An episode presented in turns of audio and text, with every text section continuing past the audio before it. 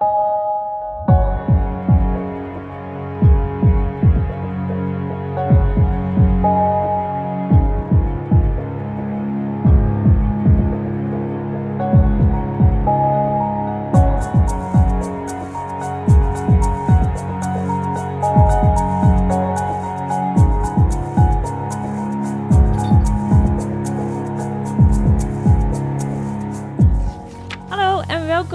Radio Savannah, de tweewekelijkse podcast van Savannah B. Ik ben Suzanne En ik ben Lola. en wij zitten hier in Savannah B, de onafhankelijke boekwinkel in het centrum van Utrecht. Die gespecialiseerd is in literatuur vanuit een feministisch perspectief. Voor ons betekent dat literatuur op het snijvak van gender studies, postcolonialism en queerness. En eh, wij zijn deze podcast begonnen. Dit is de aller, allereerste aflevering. Yay! In, omdat de winkel Leeg leeg, is. is. eigenlijk. Hij is nu letterlijk leeg, want we zijn dicht. En eh, omdat Savannah B eh, in haar kern een plek is waar mensen ook elkaar kunnen ontmoeten. En an- zowel andermans verhalen kunnen lezen, maar juist ook kunnen horen. En met elkaar in contact kunnen komen. Willen wij via deze podcast wat van dat contact naar jullie toe brengen. Ja, we missen jullie. Ja. Maar voordat we dat gaan doen, gaan we jullie eerst even vertellen wie wij zijn. Ik ben Suzanne. Eh, in mijn leven ben ik docent cultuurwetenschappen aan de Universiteit van Tilburg. En in mijn leven daarnaast sta ik in de boekwinkel Savannah B. Mooi boek te verkopen. Ja, hartstikke top. Ik werk bij de bibliotheek in Utrecht. En daarnaast werk ik al volgens mij zeven jaar voor Savannah B. Echt heel lang. Ja. En verkoop ik boeken en eh, maak ik programma's voor Savannah B. In deze tweewekelijkse podcast bespreken Lola en ik met behulp van onze andere lieve Savannah B'ers de mooiste boeken van het moment. Meer specifiek bespreken wij één keer ons lievelingsfictieboek van de maand en één keer ons lievelings non-fictieboek van de maand. En deze maand hebben wij gelezen De Waterdanser van Ta-Nehisi Coates. Dit boek is dit jaar uitgegeven. eh, in Nederland gepubliceerd door Meulenhof en vertaald door Tom Heuvelmans. En dat is de versie die wij allebei gelezen hebben. Ja. En je kunt zowel de, de Nederlandse versie als de Engelse versie kopen in de winkel. en dat, eh, dat zou ik zeker doen, dat is hartstikke leuk. Voordat we beginnen met over het boek praten, eh, heel kort iets over Ta-Nehisi Coates. Hij is een Amerikaans auteur en journalist en schrijft veel over social justice, eh, racisme, Black Lives Matter in, Mhm. in Amerika. Eh, zijn werk, eh non-fictiewerk Between the World and Me, kwam uit in 2015 en dat was zijn doorbraak eigenlijk als, als schrijver, maar ook zeker als, als stem op het gebied van die onderwerpen. Hij is daarnaast ook bekend als schrijver van Black Panther, strips. De comics, ja, Comics. inderdaad. Niet te veel. niet te veel. En De Waterdanser, of The Water Dancer, is zijn romandebuut. En eh Een mooie Amerikaanse uitspraak. The Water Dancer. Hey Susanne, waar gaat het boek over? Het boek gaat over een jongeman. Ja, in het Nederlands in mijn hoofd heet hij dus Hiram. Die opgroeit in Virginia in de Verenigde Staten. In een tijd dat er in het zuiden van de Verenigde Staten nog slavernij was. En in het noorden van de Verenigde Staten de slavernij was afgeschaft. En het gaat over. Ik ga toch Hiram zeggen? Het gaat over, het gaat over Hiram. Opgroeit als een zwarte jongen in die slavernij. Of tenminste met een zwarte moeder en een witte vader. En dan opgroeit op het landgoed van zijn vader. En dus te werk gesteld is, zoals het in dit boek heet, op het landgoed van zijn vader. De tabaksplantage. Ja, ja tegen de achtergrond van een, een aftakelende eh, tabaksplantage in Virginia. En het gaat een bijzondere laag erin, is dat Hiram op een gegeven moment ontdekt dat hij bepaalde krachten heeft. Een soort supernatural powers. Die ervoor zorgen dat zijn lot eh, anders loopt dan verwacht. En ik denk dat we daar tegen een spoiler aanlopen. En als we die niet hoeven te doorbreken, misschien ook maar niet moeten doen. Ja? Of misschien wel. Of misschien later. We zullen het Ja. extra goed zeggen als we, als we bij een spoiler aankomen. Ja. Dat we nog een extra Ja. alert. Want er zitten wel een heel paar heel interessante en best wel grondige wendingen in het verhaal. Ja, ja. Ja, en het is een heel gelaagd boek ook. Met verschillende... eh, We, we kunnen hier wel een vijf uur lange podcast over Mm. maken, denk ik. Dat gaan we niet doen. Eh, dat, dat is... eh, als je dat willen, dan doen we dat. Maar dat is een beetje heftig. Ja, we maakten net een lijstje met aantekeningen van zaken die we wilden bespreken. En daar, dat zijn best wel lange kernrijzaken. Ja, we gaan ons proberen tot de kern te Mhm. beperken. En dan hopelijk iedereen nieuwsgierig te maken naar het boek. Ja. eh, om, verder, om verder te lezen.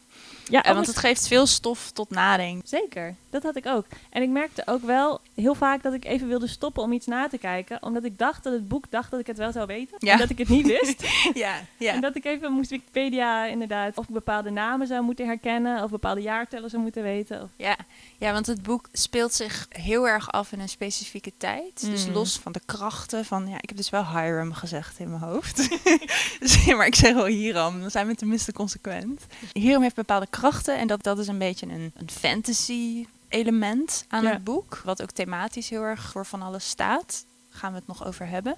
Maar het gaat ook heel erg over specifiek die tijd in het zuiden van de Verenigde Staten. Daar speelt het, het overgrote deel van het boek zich af. En de maatschappelijke ontwikkelingen die daar plaatsvonden. Een soort van in de vooravond eigenlijk van de Amerikaanse burgeroorlog. Ja. Alle slaven die te werk gesteld worden op allerlei manieren. En de aftakeling van plantages zoals die van de, de vader van Hiram. En, want de, ze hebben de grond helemaal uitgeput in al Mm. hun winst, winstlust, geldlust. Ja. Met als gevolg dat, de, dat mensen steeds verder naar het westen trekken. Waardoor Virginia eigenlijk leeg achterblijft en uitgeput achterblijft. Ja. En, en daar gaat het heel erg over. En specifiek ook op wat het effect daarvan is op de levens van de zwarte tot slaafgemaakte mensen. Ja. ja, en ik denk dat dat ook inderdaad gelijk in, in de soort van de manier waarop dat dus ook als metafoor wordt gebruikt voor het uitputten van een groep mensen. Waar op een gegeven moment uit zoveel winstbelag zoveel, veel te veel werk van wordt gevraagd en te veel van wordt gevraagd en te veel emotionele, fysieke uitputting van wordt verwacht.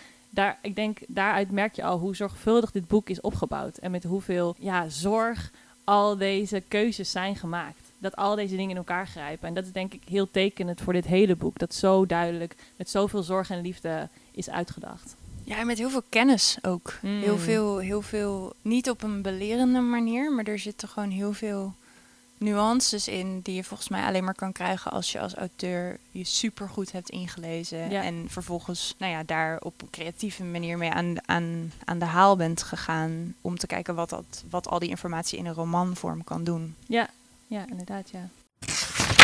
Ja, wat heel erg opvalt in dit boek, en dat is, is zowel in de vertaling als in, in het origineel, is dat Tanhasi Coates ja, woorden, een soort titels geeft eigenlijk aan, aan bijvoorbeeld het werk wat het tot slaafgemaakten moeten doen. Dus dat heet werk met een hoofdletter. De witte landeigenaren en slavenhouders, Ja. die, eh, die heten de elite.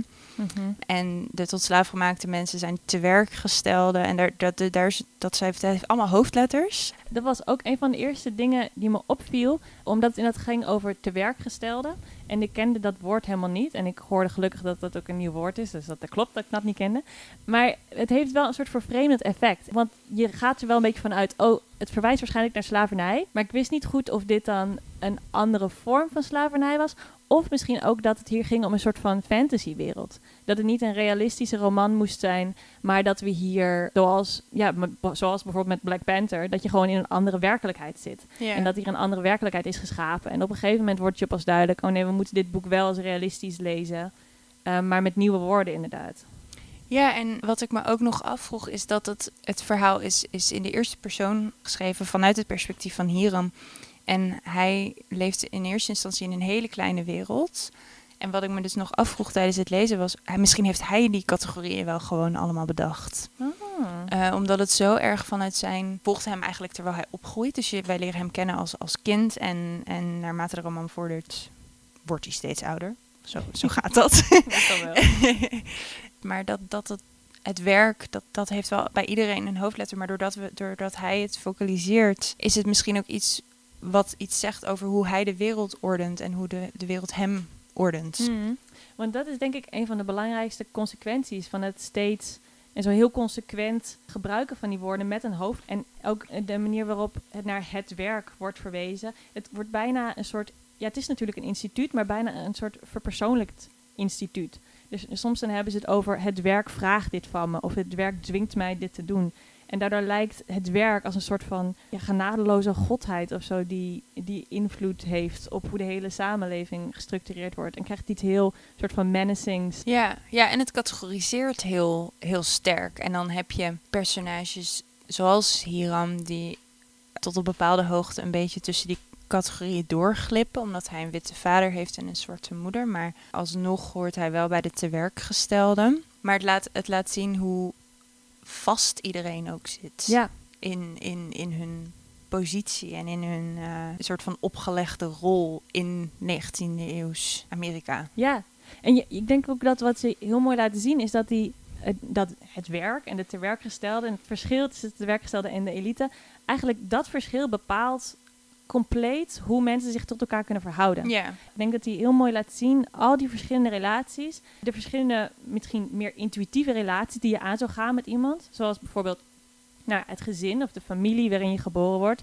Is misschien een van de meest intuïtieve communities die je aangaat of waar je een deel van voelt. Maar zelfs dat soort heel intuïtieve, heel fundamentele communities worden een soort overruled door de logica van die slavernij. Zoals bijvoorbeeld nou Hiram en zijn vader. Eh, een zwarte zoon en een, en een witte vader. Maar ook zijn halfbroer, dus zijn, zijn witte broer, Maynard. Die drie die zijn familie van elkaar en daar zijn ze heel, zich heel bewust van. Er wordt eigenlijk helemaal niet ja, geheimzinnig over gedaan. Nee, Iedereen nee. weet dat. het is geen geheim. Nee, en zijn, hij noemt hem ook de hele tijd zijn vader en mijn broer in zijn, in zijn verhaal.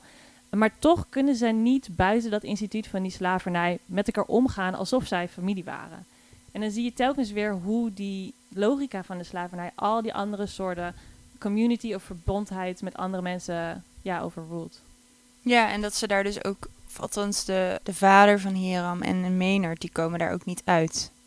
En die hebben in hun eigen, binnen hun elite communities ook weer bepaalde posities van, van macht en onmacht. Ja, Daar, want ja, er wordt, wordt op heel veel manieren gekeken in het boek naar hoe mensen zich tot elkaar verhouden en hoe, wie er nou uiteindelijk de meest geprivilegeerde positie heeft en wat dat betekent en hoe dat eruit ziet. ja, En ik denk deel van het punt wat het boek maakt, is dat dat soort rigide systemen eigenlijk voor niemand fijn zijn. Hmm. Eh, en natuurlijk buitenproportioneel niet fijn zijn voor degene die de tot te werk gestelde, waar allerlei gruwelijke dingen mee gebeuren en die allerlei trauma moeten ondergaan continu. Mhm.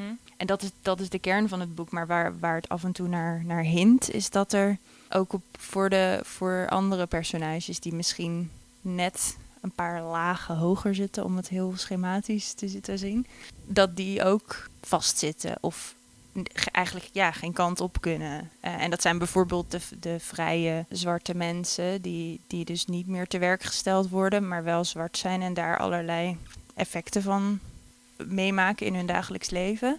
Maar ook bijvoorbeeld de witte vrouwen die wel tot de elite behoren. En zo, zo wordt dat, die rigiditeit van, van die categorieën en het onrecht van die categorieën wordt op heel veel niveaus volgens mij ja, niet allemaal even heftig uitgelicht, maar in elk geval aangestipt. Ja, en je ziet dat misschien ook weer binnen die, dat- die kleine familie van die vader met twee zoons. Een witte vader met één witte zoon en één zwarte zoon.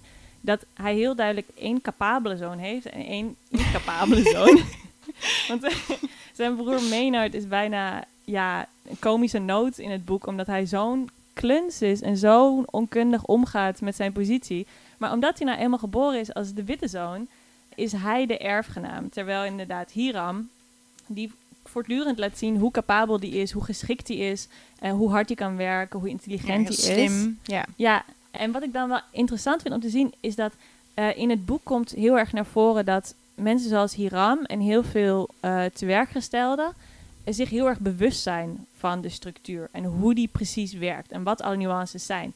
Natuurlijk omdat er voor hun ook een veel groter noodzaak is om zich precies die regels te volgen, omdat de bestraffingen zo buitenproportioneel veel zwaarder zijn. Ja. En wat je ziet bij heel veel van de witte personages is dat ze dat systeem misschien wel zo geïnternaliseerd hebben dat ze niet echt meer zien hoe conventioneel en hoe, ja, hoe slecht het systeem eigenlijk werkt.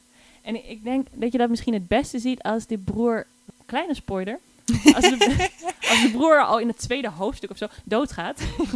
en dan gaat opeens zijn vader en andere mensen van de, van de witte elite, die gaan dan reflecteren op wat eigenlijk een onbegrepen jongen het was. En dat hij op het punt stond van zijn leven te beteren. En dat, hij, dat het intuïtieve juist zo mooi was.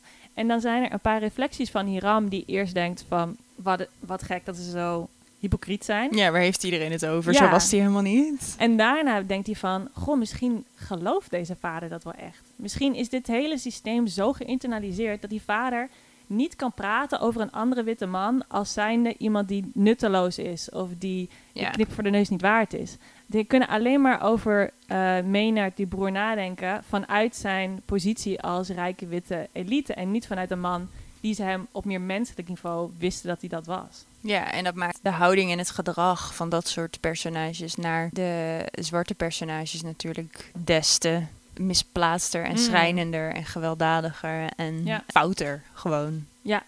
En misschien een interessant figuur in die hele um, toestand. Toestand.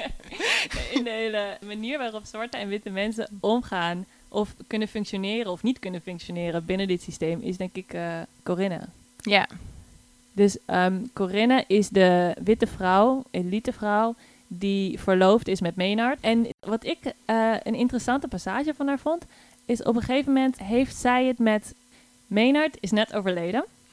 En Corinne maakt diezelfde slag die de vader heeft gemaakt, waarin zij begint over wat een geweldige man het eigenlijk was en hoe onbegrepen en wat een, wat een zonde en ik kom nooit over dit verdriet ruwe heen. diamant, allemaal. Inderdaad. Ja. Ja. En ehm, dan op een gegeven moment dan reikt zij een soort uit naar Hiram en zegt ze iets als ik ken jou en ik voel mij verbonden met jou op een manier omdat jij eh Maynard op dezelfde manier kende als ik. Jij was verbonden met Maynard, dus Hiram was die werkte voor Maynard, dus die trokken veel. Nou, ze trok niet veel met haar op, maar ze waren veel samen. Ja, ze, ze, waren- ze, Hierom werd gedwongen om veel samen Ja. met hem- zijn rechterhand, wordt hij op een gegeven moment genoemd. Ja. Ehm, Inderdaad. En dan zegt Corinne zoiets van: eh, Jij kende hem op diezelfde manier dat ik hem kende. En daarom ken ik jou nu. En daarom zijn wij verbonden. En Hiram die snapt helemaal niet wat hij daarmee moet. Omdat hij de enige manier waarop hij zich tot witte kan verhouden is vanuit die fundamentele verschillende machtspositie. Dat hij ook denkt: er moet hier een soort. Er moet, een, er moet iets aan de gang zijn, er moet een valstrik zijn. Dat kan ja, niet where's zijn. the catch? Ja. En aan de ene kant inderdaad zijn eh, complete bewustzijn van dit moet wel een catch zijn. En dan is er een heel interessante passage waarin hij reflecteert op de onmogelijkheid van zwarte en witte mensen om elkaar te kennen. Omdat als zwarte en mens- witte mensen elkaar zouden kennen echt op een menselijk niveau, dan zou het hele systeem niet meer kunnen bestaan. Als witte mensen zouden beseffen hoezeer zij zwarte mensen ontmenselijken, dan zouden ze niet meer met zichzelf kunnen leven. Ja. Je kan alleen maar slavernij in stand houden als je nooit een connectie aangaat tussen zwarte en witte mensen. Hij probeert te begrijpen waarom Corinne denkt dat dat wel zou kunnen en hij, hij komt er helemaal niet uit. Behalve dan door te denken, misschien heeft zij eh, haar eigen machtspositie zo geïnternaliseerd dat ze niet meer snapt dat we in een systeem vastzitten. Het boek gaat heel erg over die ontmenselijking. Hmm. En over hoe binnen een structuur van, van eh, slavernij en, en imperialisme en hoe zwarte mensen daarin ontmenselijkt werden door de Ja. witte mensen. En ook hoe zij mensen waren en dus hun menselijkheid vasthielden mensen. op allerlei manieren. Dat is denk ik een van de belangrijkste thema's van het boek. Ja. En ik denk dat Corinne... Nou, Corinne gaan we ook geen spoilers over geven, maar dat is een interessanter personage dan je denkt ja. in het begin. ja, ze komt vaak terug. Maar een van de opmerkingen die zij op een gegeven moment ook maakt, is dat zij ook een soort duidelijk wil maken dat zij begrijpt in welke positie hieraan zit, omdat zij een vrouw is. Ja. En dat vond ik wel interessant, omdat zij is eigenlijk de enige in het boek die die claim maakt. En ik vind het ook wel interessant dat die claim dan komt van misschien de enige significante witte vrouw in dit boek.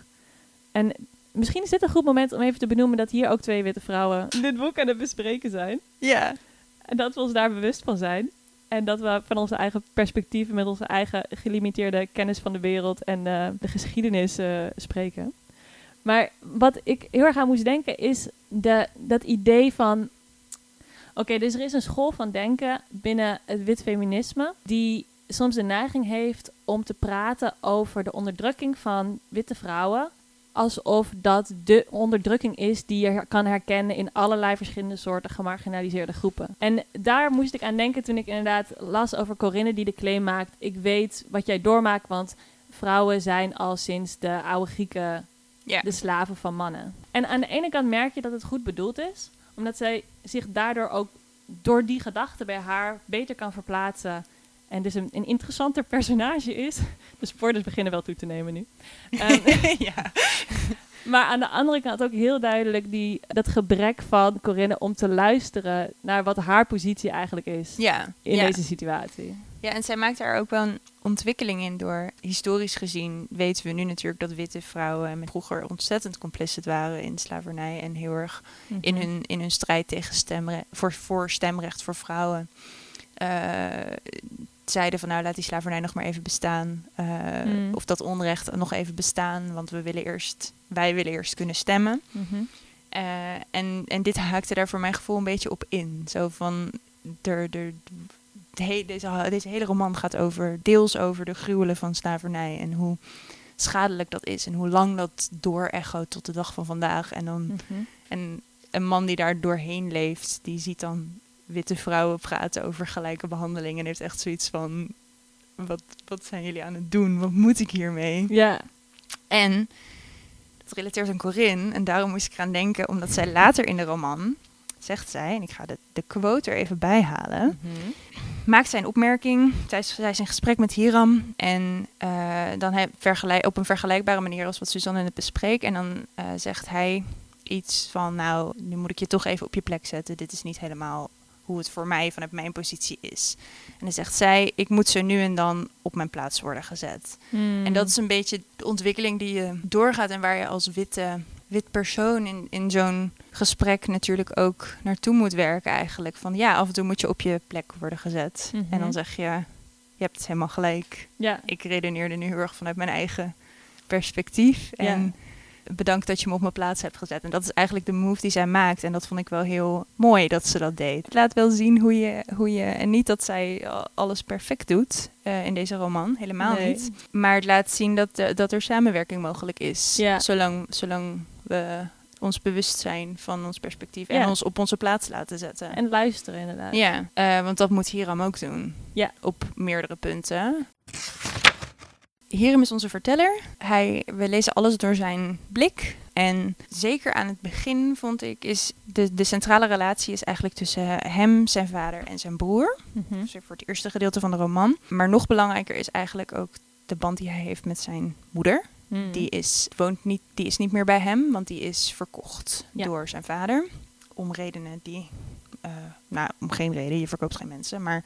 Ehm, zij is weg omdat ze door, door zijn vader is verkocht.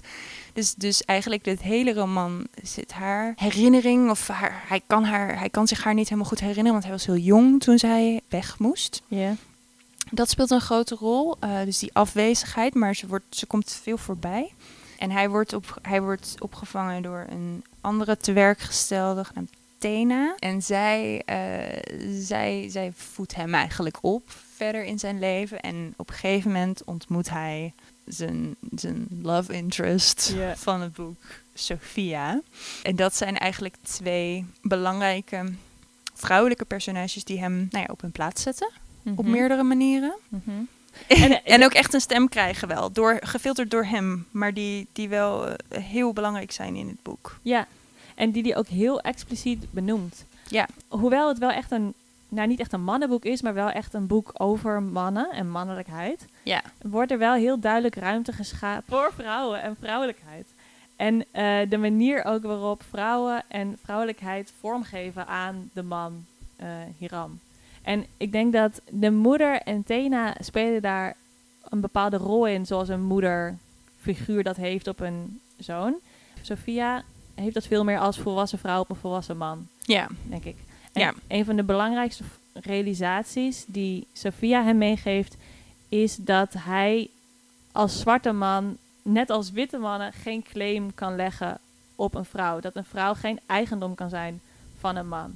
En zij herinnert hem er een paar keer aan dat eh, een huwelijk of een weglopen of een soort van verbintenis aan Hiram op die manier haar te veel doet lijken op de verbintenis die zij in dwang heeft met de witte landheren die haar ehm, eh, op bezoek uitnodigen, tussen aanhalingstekens.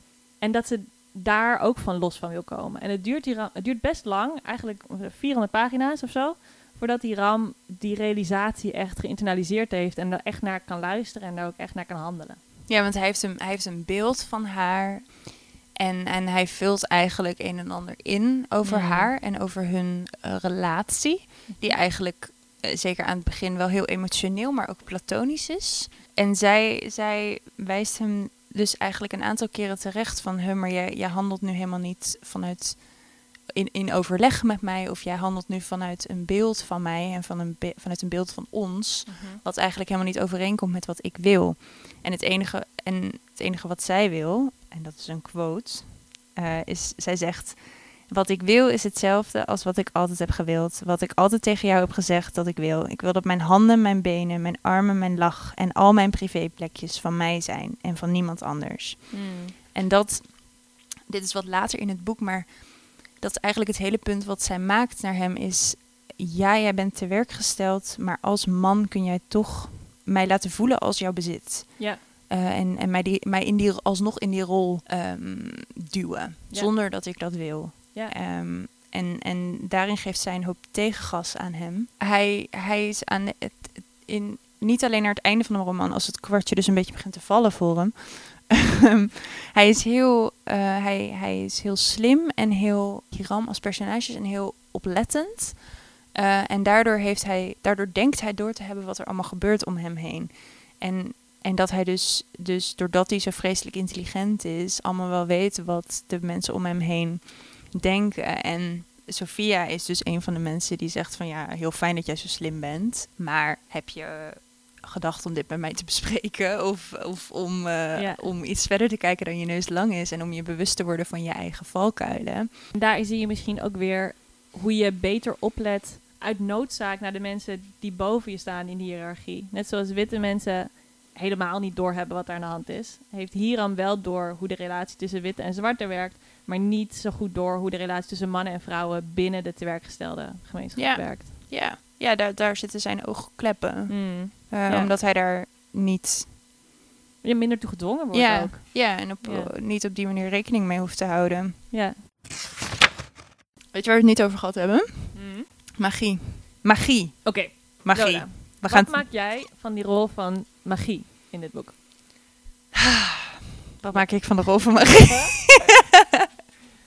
nou, ik heb hier dus veel over nagedacht tijdens het, tijdens het lezen van het boek. Ja. Want het, het opent eigenlijk met de magie. Dus, dus het is, wij hebben het er niet over gehad, maar dat ligt aan ons en niet aan het boek. Want het is wel echt een heel belangrijk thema. Het is een heel duidelijk thema. Het is een heel duidelijk thema. Wat de magie eigenlijk is, is dat Hiram is in, in staat om, als hij, daar komt hij op een gegeven moment achter, kleine, kleine, kleine spoiler, maar het heet de waterdansen, dus eigenlijk misschien ook niet zo'n grote spoiler, maar als hij, als, hij, als hij in de buurt van water is, is hij in staat om tijd te reizen, om, Mm. om, mens, om, om, om zichzelf heel snel te verplaatsen. Om, ja, een soort, het is een soort kruising tussen tijdreizen en teleporteren. Ehm, en hij, hij, hij ziet dan, hij krijgt een soort visioenen van in eerste instantie van zijn moeder, die ehm, een, een danste met water, die aan, die aan het water dansen was. Dus aan het dansen was met een, met een kruik met water op haar hoofd. Mm. Hij, hij heeft eh, dus bepaalde krachten en dat weten we eigenlijk meteen al. En het is in eerste instantie niet duidelijk eh, wat hij daarmee gaat doen. Behalve eh, zichzelf redden uit een hele ongelukkige situatie waarin Maynard uiteindelijk komt te overlijden. Eh, en hij overleeft dat, deels door zijn krachten. Eh, en, en gedurende het verhaal wordt duidelijk wat het, waar die krachten toe, toe doen, toe doelen, toe doelen, To dienen? toe dienen. Waar die krachten toe dienen en wat hij daar allemaal mee kan. Ehm, en hij ontwikkelt ze op een, op een bepaalde manier. Mm. En doordat, doordat die magie erin zit, moet je dus in eerste instantie als lezer een beetje voelen, aftasten wat voor boek dit nou eigenlijk is. Mm. Er zaten scènes in, met name in het tweede deel, dat ik dacht, dit is gewoon een, een, een superheldenfilm. Ja. Hij, hij wordt nu een superheld. Dat, wetende dat Ta-Nehisi Coates Black Panther heeft geschreven, ja. was dat, was dat wel een logische, logische connectie om te maken. En er zit een soort, nou ja, op een gegeven moment zag ik een soort montage voor me ook. Mm, eh, ja. Van allerlei dingen. Ja. Het, werd, het werd op een gegeven moment erg spannend. En, ehm, maar los van dat, dat die magie een plotdoel dient, die, dat steeds groter wordt, is het, heeft het ook een, een bredere betekenis. Omdat het leren we, naarmate de roman vordert, heel erg een connectie heeft met Hirams familie, met zijn afkomst, met zijn voorouders, met zijn thuis. Mm. Ehm, en dat, dat is in een, in een meer symbolische zin wat de magie doet. Ja, En, een, en het, het stelt, het zorgt er dus voor dat je die, die hele echte geschiedenis, die, krijg, ja, die krijgt een, ja. Ja, Magische twist. magische twist. ja, dat is wel heel, eh, ja, dat, dat is het, dat zo simpel is het niet, maar het, het, het laat je wel op een andere manier daarover nadenken. Het geeft wel een, een ja. extra laag aan het daarover nadenken. Ja, Ik vond het soms best wel moeilijk, omdat die kracht als een soort metafoor vond ik heel mooi. Maar omdat het ook gewoon zo letterlijk is, hij kan ook echt teleporteren en tijdreizen. Ja. Maar als het voor mij soms een beetje vervreemdend, omdat het zo'n ander register is waarin je dan leest, dat je er opeens oprecht rekening moet houden dat hij opeens twee staten verderop is. In twee en dat ik, heel, dat ik het heel moeilijk lezen vond, omdat hij ook heel vaak benadrukt, dit is de realiteit. Hij doet heel vaak, hij doet allemaal van die trucjes van, oh het boek dat je nu vasthoudt, wat ik geschreven heb. En Ja. ik kan niet alle namen noemen, want ehm, deze mensen zijn nog steeds in gevaar als je hun echte namen zou weten. Dus hij doet ook heel erg een appel op je om dit te lezen als een realistisch, of misschien wel echt een waar gebeurd verhaal. En dan soms is het er opeens zijn ze aan het tijdreizen en visioenen en over water dansen. Ik vond het soms best lastig om, om met elkaar te rijmen. Maar de implicatie is denk ik ook deels dat die twee dingen naast elkaar kunnen bestaan. Hmm. Dat je, dat je tegelijkertijd kunt tijdreizen.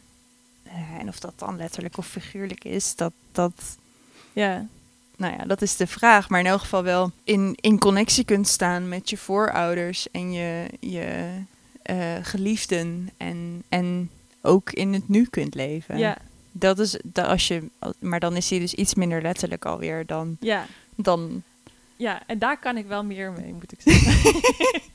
Dan ben ik ook geen grote Black Panther fan, moet ik ook zeggen. Ik, hou, ik vind dat moeilijker te lezen, moeilijker te... Ja. Nou ja, wat het, wat het wel, waardoor het het is bijna een beetje een, een origin story eigenlijk, een superhero origin story. Mm. Op een hele, als je het heel, heel, heel simplistisch zegt. Maar wat ik... Oké, waar ik dus meer mee kon, daar ga ik nu over praten. heel goed. Goed idee. wat, ik, wat ik interessant vond, is dat de hele basis van zijn kracht is een combinatie van twee soort van meer natuurlijke talenten. De ene is dat hij alles onthoudt. Ja. alles, zich alles herinnert. Nou is dat ook weer een beetje tot het comicboekachtige af. Dat hij letterlijk, je laat hem een plaatje zien en een week later kan je het precies natekenen. Dus het is ook weer een beetje comicky. Ja. Maar ah, oké, daar kan ik nog mee. En de andere kwaliteit die hij heeft, is dat mensen hem graag verhalen vertellen. Ja. En dat iedereen hem zijn verhaal wil vertellen. En dus wat daardoor gebeurt, is dat hij eigenlijk een soort levend archief wordt van allemaal verhalen, levensverhalen, persoonlijke verhalen van de tewerkgestelde die hij ontmoet. En dat vind ik inderdaad een mooie soort van superhero kracht om te hebben voor iemand in een gemeenschap waarvan verhalen natuurlijk systematisch zijn vergeten, onderdrukt, uitgewist en niet zijn behouden. Ja. En Ja. da- dat vind ik een mooie interpretatie van een soort superheldenkracht in die context. Waar ik op een meer metaforisch niveau wel een Ja. waardering voor kon hebben. Ja. Het, het challenged ook wel een, een heel soort van westers rationeel denken. over, Ja. over ik ben pre- pretendeer absoluut geen expert te zijn, maar zeg maar dat hele soort van dit is hoe de werkelijkheid Ja. is en, en dit is hoe Rationalisme. ja, dit is hoe de wereld in elkaar zit. Klopt. En, en, en de mogelijkheid dat dat, dat wat meer fluïde is. Ja. Ehm, als, je, als je het op die manier wil zien, Mhm. vind ik wel mooi. Zeker omdat het ook vanuit het begin. Ja. Zeg maar, hij wordt niet gebeten door een spin. We, we, we zijn erbij als hij ontdekt van, oh, wacht, Ja. hier is wat aan de hand. Ja. En, en dat heeft te maken met eh, wat zijn, wat zijn, zijn, zijn origin story dan eigenlijk is, is dat hij zijn trauma's moet, Ja. eh, zeg maar, in een leven omgeven door allerlei trauma's, moet hij zijn soort van core trauma, ja, het verlies van zijn moeder. het verlies van zijn moeder, moet hij terug zien te vinden of zien te, te erkennen. Of, of hij Ja. hoeft het niet te accepteren, maar wel, ja. hij moet haar terugvinden ja. eh, in zichzelf. Oké, nou oké, ik, ja, Maar ik goed. ben overtuigd. Yes. Oké, goed punt. Oké, praat me dan deze door. Het tweede wat ik niet zo heel... Of waar ik een beetje teleurgesteld in was in het boek... is de, de liefdesrelatie tussen Hiram en Sophia. En eh, we hebben het al gehad over Sophia en de belangrijke rol die zij heeft als zeg maar de, de, ja, de volwassen vrouwenstem in het leven, die ook de mannelijkheid van, van Hiram vormt en in die zin heel interessant is. Het gaat meer om de, de manier waarop zij hun romantische relatie vormgeven. Omdat ik heel erg het idee heb dat Sophia niet per se romantisch geïnteresseerd in Hiram is. En daar heel uh, uitgesproken over is. En ik vind het jammer dat dat toch zo'n belangrijke plot blijft door het Ja. hele boek heen. Ja, zij wordt, zij, zij wordt door hem in zijn narratief heel Mhm. erg gepositioneerd als... Oh ja, ik moet voor haar terug, want ik heb haar onrecht aangedaan en ik moet haar nu redden, want ik zit in een, in een positie waarin ik dat misschien kan doen. En Mm. zij heeft me nodig en zij verwijt mij van alles. En dat wordt deels, deels wordt daar wat mee gedaan.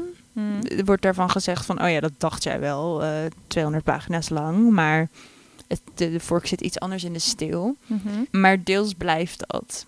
Ja. En ik ben het wel met je eens dat dat een beetje soms voelt als een soort Forceerd. geforceerd. Hm. Maar ik dacht ook wel, die arme Hiram mag ook wel een keer gelukkig zijn. Goed, ja. En ze- van, hij is blij met haar. En dan hoop ik maar dat zij ook blij met hem is. Maar volgens mij wel. Maar dat is, dat is de, de, romanticus in mij Ja. die dat eh, zegt. Fair enough. Ik gun het Hiram ook wel hoor. maar ik, ik, ik vind het moeilijker vanuit haar, haar personage en haar karakter eh, in mijn achterhoofd hebbende, vind ik het moeilijker om te geloven dat zij ook op die manier met hem wil zijn. Ja, en dat zegt ze wel. Ja. Ja, ja, ja vind ik ook eens. Wat vond jij mooi, niet mooi? Nou, ik vond het. Wij, wij hebben, er, er komen gewoon. Dit boek gaat over verhalen en er komen ook heel veel verhalen in voor. En dat is tegelijk ook wat ik soms moeilijk aan het boek vond. Was, het maakt veel uitstapjes naar Ja. de ervaringen en verhalen van andere mensen. En dat, dat, dat maakt dat het heel eh, gelaagd is. En het laat heel erg zien dat Hirams ervaring niet de enige ervaring is in die tijd en die context. Mhm. En dat vond ik heel mooi. En tegelijkertijd leidde me dat soms af. Want je, door, je volgt hem. Hij, hij is heel erg. Hij is het hart van het boek. Maar hij ontmoet allemaal mensen. En dan, die vertellen hem dan hun verhaal. En dan verdwijnen ze. Want dat is hoe het gaat. Mhm. Ehm, in, überhaupt in een leven, maar zeker in een leven waarin je je buren, eh, bij wijze van spreken, als ze te werk gesteld zijn, de volgende dag verkocht kunnen worden. Maar je mist ze wel soms als Ja. ze weg zijn. Want ze, en dat, dat, dat werkt goed. Maar dan af en toe dacht ik, oh, ik wil wel Ja. weten hoe het met die en die gaat. Of, of dan ben je zo soort van meegegaan als lezer met een verhaal en dan, ja, houdt het op. Want Ja. Hiram, die verliest die mensen om wat voor reden dan ook uit het oog. Ja. En dan wij dus ook. Ja. Dat is eigenlijk de, dat is, dat is hoe romans werken. Als je ze door één persoon worden verteld. ja, maar wel echt hoe deze roman ook werkt. Ja, want we, er, er zitten wel Ja. stukken in waarin je heel veel personages ontmoet. En er komen Ja. heel veel namen voorbij. En En de dubbele namen. Dubbele en, eh, namen. koosnaampjes Ja, En, ja, dat, dat, daar zitten wel stukken in waar dat me een beetje tegenstond. En het wordt gewoon op een gegeven moment heel spannend. En dat vond ik wel heel leuk. Ja, Er klopt. zitten echt een, bepaalde stukken in die dus, ja, ik denk dan aan een superheldenfilm. Ik ben geen superheldenfilm-expert, maar dat je denkt, oh, we hebben een missie en die moeten we nu. eh, Ja. En dat is, ja, als je zeg maar langer nadenkt over de realiteit waarin dat gebeurde, slaat dat natuurlijk helemaal nergens op. Want het was letterlijk een kwestie van leven en dood. Ja, Maar het was spannend om te het, lezen. het leest wel lekker, ja. Ja, het gaat over heel veel. En dat, Ja. dat is denk ik een van de redenen waarom het eh, een goed boek is voor ons om nu te bespreken. Omdat je, Mhm. en en voor, voor mensen om te lezen, omdat je er zoveel uit kan halen. Ja, zeker. Afhankelijk van wat je, waar je op, het meest op aangaat in het boek. Ja, is heel kan me- gelaagd. ik kan me ook voorstellen dat, want wij zeiden al, wij hebben niet precie- eh, specifiek dan wel ervaringsdeskundige kennis hierover, dan wel heel brede boekenkennis over deze thema's. Tenminste, niet, niet echt veel meer dan andere mensen. Maar ik kan me voorstellen dat als je die kennis wel hebt, dat je weer heel andere dingen uit dit boek haalt. Ja, Want er zijn absoluut. heel veel referenties. Nou, de meest obvious eh, verwijzingen halen er weer uit. Maar ik kan me voorstellen als je er echt kennis van hebt, dat je veel meer uit dat soort referenties en verhalen, et cetera, haalt. Ja, en volgens mij, ik- volgens mij is het dus heel goed gedaan. In, zeg maar, ik heb het idee dat dit gewoon roman is die met een heel duidelijk doel voor ogen en een hele duidelijke vorm voor ogen in, Mm. in elkaar is gezet. En toen met veel research en kennis en passie vormgegeven is. En dat, Ja. dat, dat vond ik voelbaar. Ja, het voelt bijna als een soort van li- liefdesproject. Iemand die echt met zorg en aandacht en liefde voor deze thema's dit boek heeft geschreven. Misschien daarop aanhakend één ding, niet per se een nadelig ding over het boek, maar misschien over de vertaling. Wat me heel erg opviel is dat in het boek, de Nederlandse vertaling van het boek, eh, worden witte mensen blank genoemd. De blanke mensen en de blanke elite. En ik merkte, omdat dat zo uit je systeem is geraakt, dat het me heel erg opviel. Dat wordt de hele tijd weer. En dat specifiek in het boek, wat zo duidelijk gaat over deze thema's. eh, en over taal. en over taal die we taal. eromheen gebruiken. Ja, zeker. Dat het me heel erg opviel. Dat woord viel me de hele tijd weer op als ik het tegenkwam. En misschien inderdaad omdat je zegt, het is natuurlijk een historisch verhaal in die zin. En ik kan me voorstellen dat in die historische context het woord logischer is, omdat het zeg maar gebruikelijker was om blank te zeggen. Ik denk dat dat het argument is wat door vertalers wordt gebruikt. Maar ik denk dat een boek wat in 2019 verschijnt van zo'n kritische schrijver over zo'n onderwerp, dat ik die keuze alsnog echt heel raar vond. En dat ik de hele tijd weer even struikelde over dat woord in dit boek. En vertaling doet natuurlijk altijd iets. En het, Mm. dit moet een bewuste keuze geweest zijn. En ik denk inderdaad dat je vraagtekens kan, kan zetten bij het hoe en waarom Ja. hiervan. ja, en ik weet dat die vraagtekens in de afgelopen tijd wel vaker zijn gezet. Ik weet het inderdaad van de, de mensen van de Dipsaus podcast, die er heel expliciet over zijn geweest. En wel meer mensen hebben in dat debat, eh, dan wel op social media, dan wel eh, op andere, zeg maar, journalistieke Ja. platforms, eh, hebben daarover gesproken. We zoeken wel even wat bronnen op. En dan, Ja. en dan doen we linkjes of zo. En ik weet met de vertaling van de boeken van Colson Whitehead, inderdaad. En een paar andere meer klassieke werken. En de, de kritiek die er dan ook inderdaad ontstaat als het gaat over de witte vertaling van werken van zwarte auteurs. Zeker als het gaat over dit soort thema's. Dat we daar ook wel een kritische discussie over mogen voeren, inderdaad. Zeker als we zien dat dit soort keuzes wel worden gemaakt. ja, ook nadat de discussie vrij publiekelijk ge- gehouden is. Ja, inderdaad.